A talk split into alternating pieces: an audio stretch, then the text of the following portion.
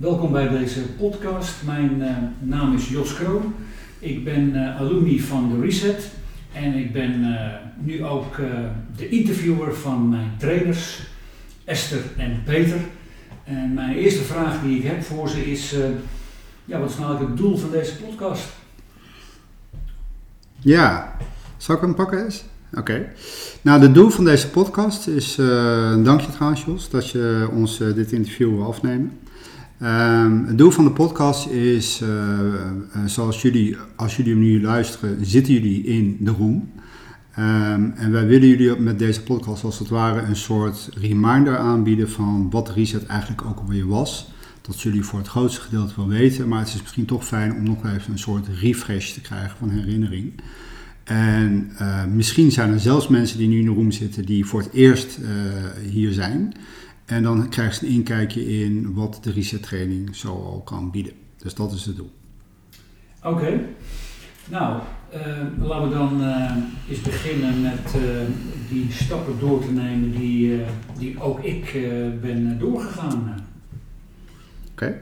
Ja, nou ja, wat je ook hebt meegemaakt zoals... Ehm, uh, is dat je eigenlijk ontvangen wordt. En dat is meestal uh, op, op een dinsdag, dat was in jouw geval niet zo. Meestal word je op een avond ontvangen met een kopje thee, koffie en lekkernijen. En dan uh, maken we rustig kennis. Hè. Laat het huis zien, de setting, praten we even door. RIVM maatregelen of afspraken, dat nemen we even door. En dan starten we met een foto om nog eens eventjes uh, te kijken, helemaal terug in de tijd, naar je jeugd. Wat voor verhaal, welk verhaal uh, laat die foto nu zien? En zo uh, maken we kennis op een andere en meer ludieke manier met elkaar. En dat zijn dus in jouw geval als je alleen, dat is heel, heel exclusief was dat. Ehm, maar in de andere gevallen ben je met twee of drie personen. Kleinschalige reset. Kunnen jullie allemaal wel herinneren, denk ik. Ja, um, ik heb dat dus niet meegemaakt, maar um, hoe, uh, hoe is dat met meerdere deelnemers? Hoe, hoe reageren die op elkaar? En um, hebben ze ook dan het gevoel dat het uh, veilig is, ook met die anderen erbij? Nou, dat is wel waar we die avond al mee beginnen, als ze mm -hmm. aankomen om acht uur. door eigenlijk die setting te creëren uh, met elkaar en elkaar te leren kennen op een andere manier dan eventjes van ik doe deze rol en ik ben die en die. Maar meer vanuit je kind zijn, goh, wat deed je toen? En uitgebreid uh, daarbij stil te staan. Merk je dat langzaam de spanning want, uh, naar ontspanning gaat. En mensen landen zeg maar, op de bank waar ze zitten. Um, en daarnaast is het ook zo dat wij de setting toelichten waarin ze terechtkomen, wat we gaan doen, Ehm, dus we beginnen dan rustig met die kennismaking en de volgende dag gaan we pas echt trainen en de diepte in ehm, met de deelnemers zelf. Ik moet zeggen dat onze ervaring is dat nou, aan het eind van die avond is het wel een geanimeerd gesprek geweest. Zijn we de diepte ingegaan. Um, nou ja, herkennen ze zichzelf soms in de verhalen van de ander. Uh, en gaan ze, nou ja, zijn ze nieuwsgierig naar de dag van morgen. En wat je ook ziet, uh, misschien als uh, nou ja, bewijsvoering, de volgende dag komen ze vaak ontspannen aan het ontbijt. Dat is mooi, dat is mooi. En dan, uh, dan begint, of ja, dan gaat het avontuur verder. Hè? Ehm, en jullie hebben daar inderdaad bepaalde stappen voor. Ehm, maar waar, komt dat vandaan? Hebben jullie het zelf bedacht? En, en, en in hoeverre is dat nou een beproefde methode? Ja, nou, de methode waar we het over hebben is de Theory U. Uh, in het Engels kan ik het nooit zo goed uitspreken, maar uh, het is van Otto Scharmer. Dus uh, jullie kunnen het opzoeken, googlen. Theory U, Otto Scharmer. En die heeft in het begin van deze eeuw uitgebreid onderzoek gedaan aan het, de Massachusetts University of Technology. En daar doen ze niet alleen te technologisch onderzoek, maar ook veranderkundig onderzoek, het MIT. En um, daar kwam hij um, op basis van een onderzoeksvraag van waarom blijven be bepaalde bedrijven nu bestaan en gaan bepaalde bedrijven uh, failliet, kwam die uh, tot deze methodiek ehm, in zijn onderzoek. En waarin tot uiting kwam dat als je je niet open stelt voor datgene wat gaande is op dat moment, uh, je een grote kans hebt dat je de boot gaat missen. Uh, nou, dat boek dat is een soort van zijn levenswerk geworden. Het is beproefd. Hij heeft het uh, uitgebreid uh, besproken met de top 500 bedrijven in Amerika. En heeft zelfs ook een opleidingsinstituut in Duitsland opgericht waar je jezelf kan bekwamen om die methodiek te volgen. Nou hebben wij die methodiek natuurlijk zelf ook bestudeerd. het is open source kennis by the way, dus je mag er gewoon gebruik van maken. Nou, dat doen we dan ook. en, maar we hebben er wel onze kennis en kunde en ervaring als sausje, als reset house sausje overheen gelegd. Oké, duidelijk. Um, goed, we zijn aangeland bij, uh, bij de ochtend. Um, wat uh, is de eerste stap op de ochtend? Nou, zoals ik net al zei, het ontbijt. en voor sommige mensen, fanatiekelingen, die zijn al aan het hardlopen geweest. Oh, ja. Of aan het uh, fietsen. Maar dan is het zomer, dan is het niet donker buiten natuurlijk, s ochtends vroeg. Um, en dat is eigenlijk de eerste stap om eens even met elkaar te landen aan vaak een grote tafel. Dat herkennen ze, de luisteraars nog wel. Um, en daar delen we dan verhalen over van goh, hoe was de nacht? Of uh, nou, heb je dat in het nieuws gezien? Van een praatje pot. En vervolgens um, starten we vaak rond, nou ja, oh, 9 uur, half 10. Eigenlijk met de eerste vraag. En de eerste vraag gaat erover dat je is jezelf centreert in het middelpunt van je leven, oftewel in het oog van je eigen perfect storm. Uh, en eens kijk naar alles wat er om je heen draait. En dat kan na een nachtje slapen in een andere setting, in dat reset house, kan dat al best wel goed. Uh, en wat we dan, zullen de luisteraars wel herinneren, dan sturen we jullie naar buiten voor een wandeling. En dan als je weer terugkomt, dan ga je zitten en sommigen schrijven het op, sommigen schrijven hele verhalen. Anderen doen heel korte teksten. Soms, en een ander doet weer met een één woord. Uh, en dat, zo zie je ook al een beetje hoe iemand in elkaar zit. Um, en dan komen ze zelf vaak met verbazingwekkende uh, terugkoppeling terug. Mm -hmm. In de zin van, goh, oh ja, dat draait ook nog omheen en dat, zus en zo. Dus langzaam, door die perspectiefwisselingen, word je langzaam bewust wat er eigenlijk onbewust dagelijks al om je heen is en draait. Mhm. Ja. En dat is één puzzelstuk. Ja. En, en uh, hoe belangrijk is het dan uh, dat jullie niet uh, met z'n allen in die saaie vergaderkamer blijven, maar dat jullie de tra trainee naar buiten sturen? hoe zit dat? Nou, ten eerste, uh, wij zitten niet in een saaie vergaderkamer. Oh. wij huren uh, prachtige locaties en hebben de ambitie binnen de twee jaar zelf een locatie te hebben.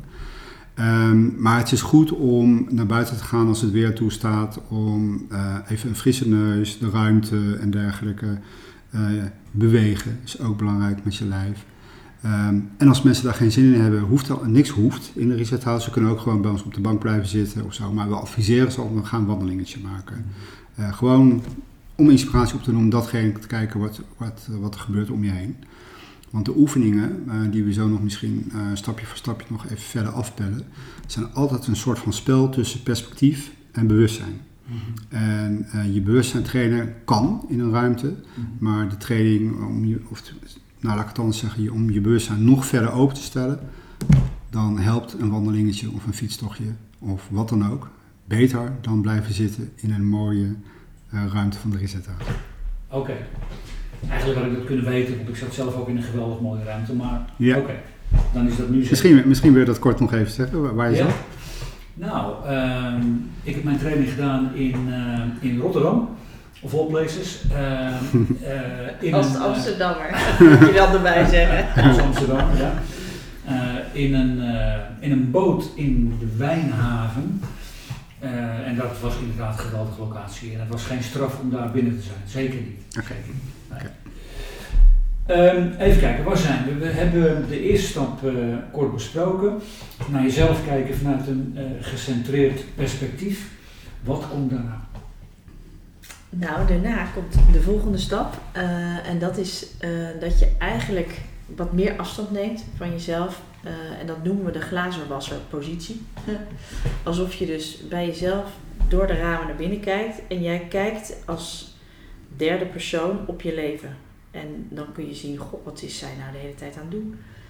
Ehm, ze doet dat, ze doet zus, ze doet zo. En het hulpmiddeltje, zoals jullie wel weten, is dus die derde persoon. Ehm, en dat je je bijna jezelf met je voornaam neerzet. Van joh, Esther zie ik dit doen, ik zie haar zo met haar werk omgaan, zo met de kinderen enzovoorts. Nou ja, en voor de Piet, hè, dat is de mannelijke versie, doet dit en dit en dit. Mhm. Ehm, en wat dan helpt, zeg maar, is dat je als het ware in die glazerwassers, nou ja, positierol gaat zitten. En dus die derde persoon eh, noemt. Eh, nou, en zo komen er dan ook weer, vaak sturen we dan mensen toch weer eventjes voor een wandelingetje. Om eigenlijk die perspectiefshift mogelijk te maken vanuit beweging. Eh, maar heel veel zie je ook wel dat ze eventjes naar een kamer gaan en eventjes daar de rust op zoeken. Om eens even op zichzelf te kijken. En dan komen ze met ehm, nou ja, ervaringen terug ehm, die we dan eigenlijk aan tafel bespreken met z'n allen. En waar ze eigenlijk ook nog wel verhelderende vragen aan elkaar stellen. Mhm. Hoe zag je dat? Hoe zie je dit? Ehm, en dat is eigenlijk het puzzelstuk nummer twee. Maar go- Goed, nu twee perspectieven bij elkaar. En daar begint al langzaam een rode draad te ontstaan. Soms komt er ook wel al emotie vrij Mhm. bij die tweede Ja. ja. oefening. Ehm, je noemde net al even heel kort de interactie tussen de trainees. Ehm, wat, wat zien jullie zo al gebeuren tussen die eh, trainees? Nou, het wonderlijke is dat ehm, elke training heeft eigenlijk een bepaald thema of een bepaalde vraagstelling die overeenkomt. Zonder dat we dat eigenlijk aan het begin eh, altijd al kunnen weten. Mhm. Blijken eh, dus de deelnemers overeenkomstige onderwerpen te hebben of vraagstellingen. Mhm. Ehm, en daar komen ze zelf ook achter, vaak bij die tweede oefening. Dat ze iets hebben van, goh, oh, hoe doe jij dat dan? Ehm, Mhm. hè, als, als dat antwoord is op je vraag. Ja. Ehm, dus dus ze, vers- ze stellen eigenlijk verdiepende vragen aan elkaar. Ja. Nou, wat je ook ziet gebeuren is dat eh, ehm, het zijn eh, vaak mensen die elkaar niet kennen. Ehm, en gedurende de dag ontstaat er een, een soort van band. Ze worden geen vrienden of iets dergelijks, maar er, st- er staat, ontstaat een soort trainingsband. Ja. En dat wordt dan een menselijke band, die Mhm. zich verdiept omdat je het toch over persoonlijke dingen hebt. En wat je dus vrijwel altijd ziet, is dat mensen verhelderende vragen stellen vanuit eh, het snappen. Ik wil je beter snappen, maar ook kan ik je daar misschien een klein beetje mee helpen. Ja. Wat we vooraf wel in de, in de settingpraatje aangeven is van ga niet elkaar coachen, Eh, daar zijn wij wel voor, maar verhelderende vragen en elkaar een, eh, een warme hand toereiken, dat, is, eh, dat gebeurt vrijwel altijd. Hm. Mooi, mooi. Dus het proces wat op de dinsdagavond eh, begint, wat dat betreft, dat gaat eigenlijk heel mooi door eh, op die manier tijdens Ja. de training. Heel Ja. natuurlijk inderdaad Ja. wordt het Ja. vaak ervaren. Mooi, mooi. Ehm, Oké, Eh, twee stappen gehad. Wat is de stap die daarna komt? Weet jij het nog, Jos? Oh, ik dacht dat ik de vragen ging stellen hier. De stap die daarna komt is Ja. heel vaak wat, ik, wat, wat net al eigenlijk bij stap 2 wel begint, is namelijk de, de emotie. Van goh, ik zie dit gebeuren als glazenwasser kijkend naar mijn leven. En dat frustreert me eigenlijk gewoon heel erg. Ehm, dus wat we dan vaak vragen eh, aan deelnemers, zoals ze dat weten, is kijk nou eens even terug wat je aan terugkoppeling hebt gegeven in de oefeningen daarvoor. En welk, hè, wetend dat jij de eigenaar bent van je eigen context, welk gevoel roept dit dan bij je op als je in die context zit? En daar komt, nou ja, daar komen vanzelf altijd wel, goh, weet je, ik ben eigenlijk blij eh, hoe ik met mijn familie omga, of in het gezin, hoe wij een structuur hebben aangebracht, recent bijvoorbeeld. Maar boos of gefrustreerd omdat ik eigenlijk net iets te knel zit eh, in mijn privé-werkbalans. eh, nou ja, en noem het maar op verder. Dus dat soort, soms komt er ook verdriet tevoorschijn. En wat je dan merkt is dat het niet ellenlange verdriet is wat eruit komt, heel vaak, maar wel dat het gevoel gevoeld wordt. En dat het naar buiten komt, eh, maar niet zo nodig heel hard uitgehaald hoeft te worden. Nee. Dus het komt een soort gedoseerd, neutraal naar boven, maar het mag er allemaal wel zijn. En het is heel herkenbaar. Ja. Eh, en daarover wordt dus in de groep ook met elkaar gesproken en op elkaar op bevraagd. Soms als degene nog net niet dat onbewuste deel wat een ander misschien beter bij je kan zien, heeft benoemd. Ja. Ja. Eh, dus zo helpen, helpen we dan elkaar. En dat zullen deelnemers ook wel herkennen. Ja. Eén Ja. meer dan de ander wellicht. Ja, Is dat een beetje ik, eh, antwoord op je vraag? Ja, zeker. En wat ik, wat ik hoor is dat eh, het vooral een kwestie is van eh, steeds meer bewust worden van jezelf. Klopt. En eh, eerst misschien een beetje in de feitelijkheden, maar ook vervolgens Ja. in de emotie. Ja. Eh, en eh, dat lijkt mij dan ook een goede basis voor de stap die daarna komt. Nou, en ik wil daar nog even terug op grijpen, want Ja. we hebben ook wel mensen in de reset gehad die zelfs spraken van ik kan nu rondom mijn trauma lopen op een veel meer normaal, ja, neutrale manier Mhm. dan toen ik bij een psychiater zat of bij een psycholoog. Waar ik het soort vermeden heb, dat gebied. Mhm. Eh, en nu kun je er langzaam kun je het naderen op een soort logische manier. Dus deze eh, methode, Theory U, Mhm. ehm, wordt vaak ook wel ervaren als een logische manier. Mhm. Van feitelijk naar uiteindelijk je gevoel. Mhm. Ehm, waardoor je gaat snappen en de puzzel veel meer gaat leggen. Dat is ook wat diegene teruggaven, Ja, die het over trauma hadden. er gebeuren mooie dingen tijdens jullie training, eh, als ik Ja. dat zo hoor. Heel Ja. bijzonder. Ja, Daar zijn we Ja. zelf ook vanuit versteld van. ja, ja, geweldig. Ja. ja. Dus de, ja, de logische benadering, eh, het met jezelf aan het stuur, het benaderen van eh, de puzzel die uiteindelijk een landschap wordt. Nou, ja, dat, zo wordt het vaak eh, toch geschetst aan het eind. Ja. En de volgende stap is dan, als je dus die emoties hebt gezien en herkend, Mhm. is het ook vaak een logische stap daarna dat je kan zien van dit is de rode draad. Mhm. Die eigenlijk door al die oefeningen en emoties heen speelt. Mhm. En die rode draad noemen we dan patronen. En sommige patronen helpen je. En andere patronen hielpen je vroeger, maar helpen je nu niet meer verder in je leven om keuzes te maken of vervolgstappen. Ja. En daar krijg je dan veel mee, beter zicht op. Ja. Ja. En daar komen nog wel eens eh, tranen tevoorschijn. Dus dat is ook weer eh, zicht, dat is ook weer bewustwording. Ja, klopt. Eh, maar dan, eh, dan zijn we nog niet klaar. Nee. Dan ben je wel klaar met reflectiedag 1 Ja. als je het op een ludieke manier hebt verbrand. Oh ja. Want Of op een andere manier. we hebben ook wel eens mensen gehad die het hebben versnipperd Mhm. en toen in een prullenbak hebben gegooid. Mhm. En die hadden een nacht geslapen en vervolgens hebben ze snippertjes uit de prullenbak gehaald, Mhm. want de patronen waren nog voor hun gevoel niet goed losgelaten. En hebben een pannetje gepakt Ja. en alsnog die snippertjes verbrand. En toen was er een soort ah, ja, opluchting.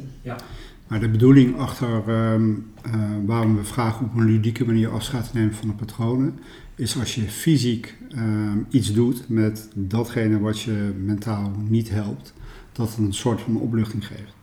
Dus we maken het een beetje ludiek door het te verbranden, maar eh, we hebben recent ook een, eh, mensen gehad die hebben patronen letterlijk afgeschoten met een luchtbuks. Ehm, en dan komt er een glimlach en een opluchting en dergelijke. Maar het fysieke element is belangrijker eh, dan je zelf denkt in, Ja. in, in, in het ludieke. Ja. Dat mensen echt afscheid nemen van datgene wat er niet helpt. Ja. Mooi. Ehm, ja, dat is een, eh, een heel proces wat, eh, wat iedereen, iedereen doorgaat. Hè? Ehm, dat zal voor de meeste mensen geen, hoe zeg je dat? Ehm, dat is niet dagelijks kost. Hoe, eh, ja, hoe ervaren ze dat? Hoe, eh, het hele proces. Ja. Ja. Ehm, veel veel eh, mensen ervaren, die vinden het wel een beetje spannend. De reset training begint ook een soort van begrip te worden in trainingsland. En dan zeggen mensen, oh ga je naar de reset? Nou, succes. Dus er wordt een beetje een, een, een, sfeer misschien opgebouwd die van nou, dat is best wel pittig. Nou, we proberen ehm, de, de, de setting proberen we zo comfortabel mogelijk te maken.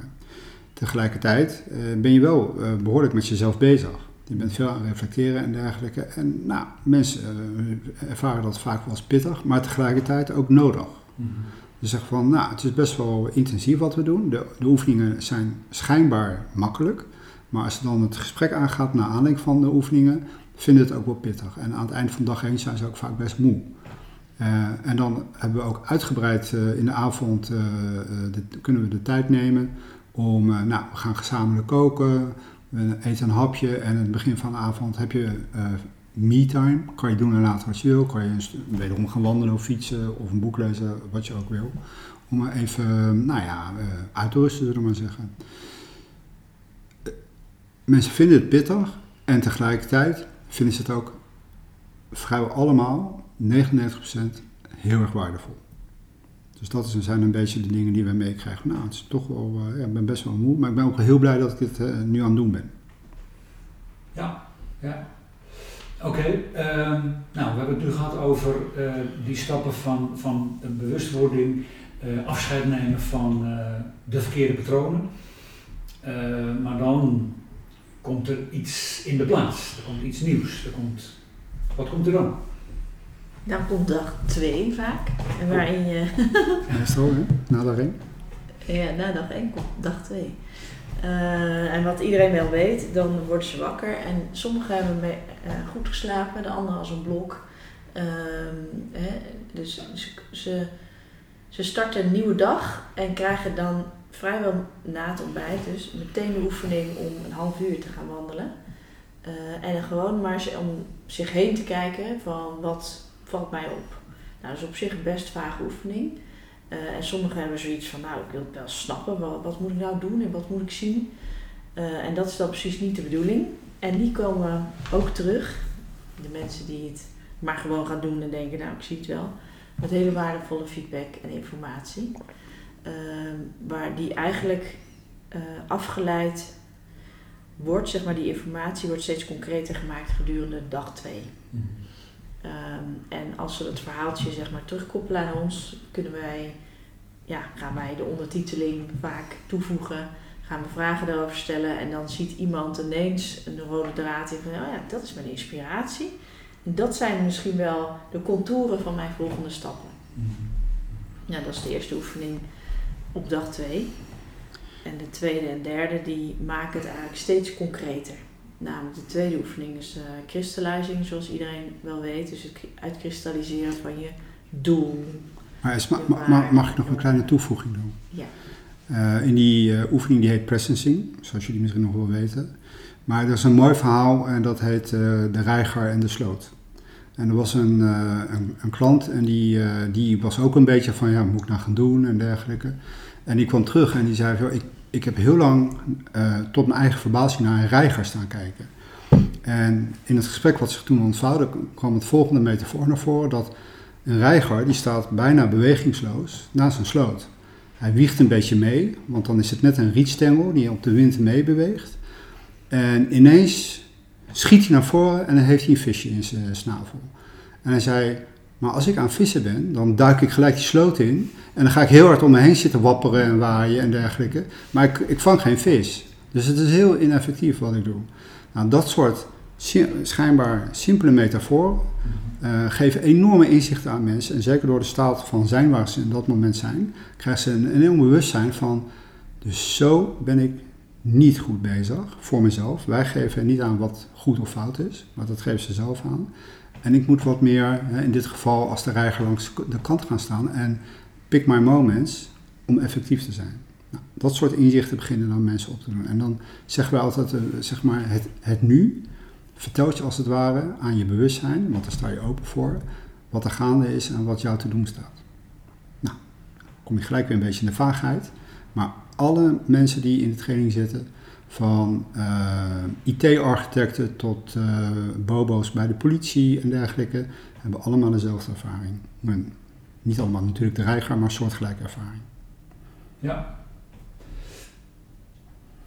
Oké, dat is eh, dus dag 2, waarin, eh, zoals jij net zei, Esther, je in stappen naar een concreter plan werkt.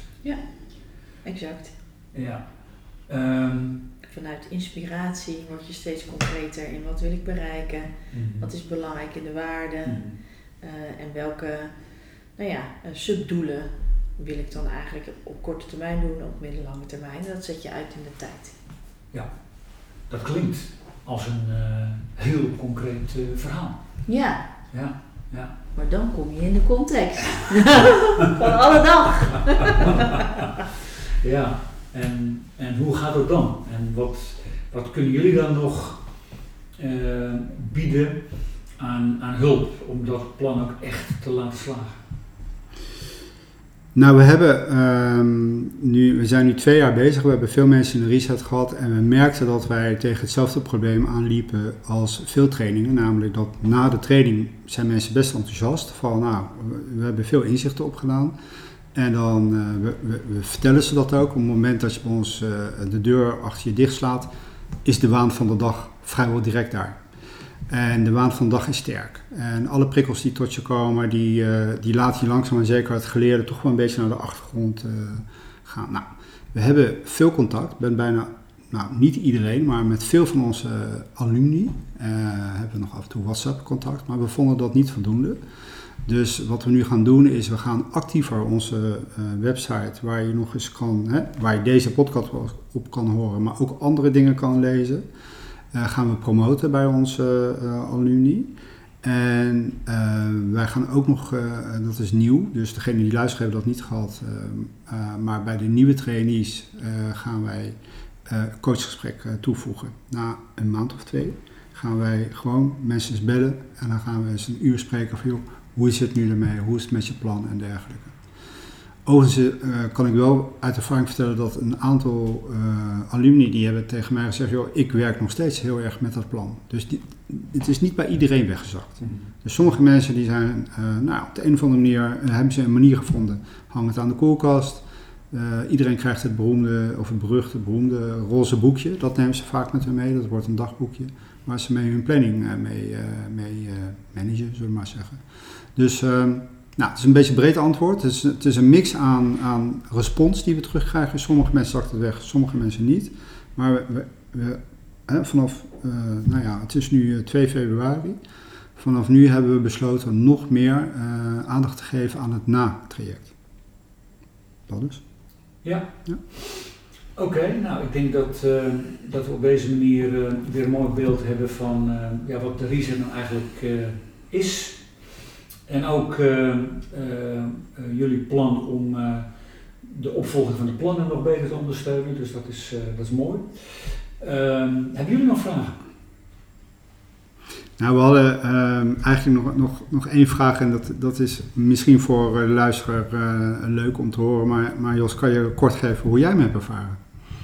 Natuurlijk, ja. Ehm, nou ja, ehm, ik, ehm, ik vond het heel erg waardevol om ja, met focus op jezelf en ook in een vertrouwde omgeving, in, die, in die logische stappen waar we het over gehad hebben, tot die inzichten te komen, ook tot die gevoelens, emoties te komen. Eh, en op de een of andere manier gun je jezelf die gelegenheid eigenlijk te weinig.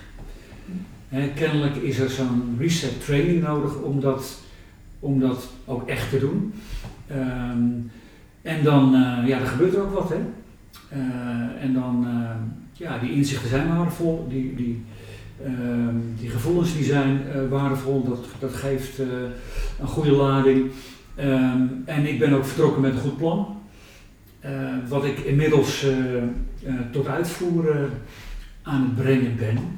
Eh, en wat eh, ja, heel aardig aan het lukken is. Dus eh, ik ben ontzettend blij dat ik in de gelegenheid ben geweest om eh, deze training te volgen. Het heeft mij, eh, zelfs in de levensfase waarin ik zit, ehm, eh, weer verder te. Dus nog dankbaar. En kun jij, kun jij aangeven als laatste kers op de taart wat er gebeurde? Iets, iets, een voorbeeld daarvan? Ehm, nou, ehm, een van de patronen ehm, waar ik eh, mijn hele leven al eh, last van heb en waar, ehm, waar mijn dochter al op hele jonge leeftijd eh, mij feedback op gaf, is dat ik dingen overneem van mensen. Met de bedoeling om ze te helpen, maar ja, dat doe je natuurlijk niet als je het overneemt. Dus mijn dochter, die zei ook altijd, zelf doen. Nee, papa, zelf doen. Eh, en dat had ik veel beter ter harte moeten nemen. Ehm, want ik, dat, daar ben ik vrij hardnekkig in geweest. en, en nu is dat nog voor mij iets duidelijker geworden om, eh, om, eh, om dat anders aan te pakken. En om eh, anderen wel te helpen en te ondersteunen. Maar ze vooral het zelf te laten doen. En eh, ja, dat, dat voelt eh, veel beter. Dus de spiegel die je dochter jou gaf, die heb je nu opnieuw ervaren Ja, en eh, kunnen herkennen. Ja. Oké. En dus wat beter los kunnen laten. zeker. Zeker. Mooi, mooi. eh dankjewel voor het delen. En dankjewel dat je de moeite wilde nemen om ons een interview af te nemen. Ja, graag gedaan. Ik vond het heel erg leuk. Eh, en het was eigenlijk eh, een gesprek zoals we dat wel vaker gevoerd hebben. En, eh, dus eh, heel plezierig. Oké. Jullie ook bedankt. Dank je.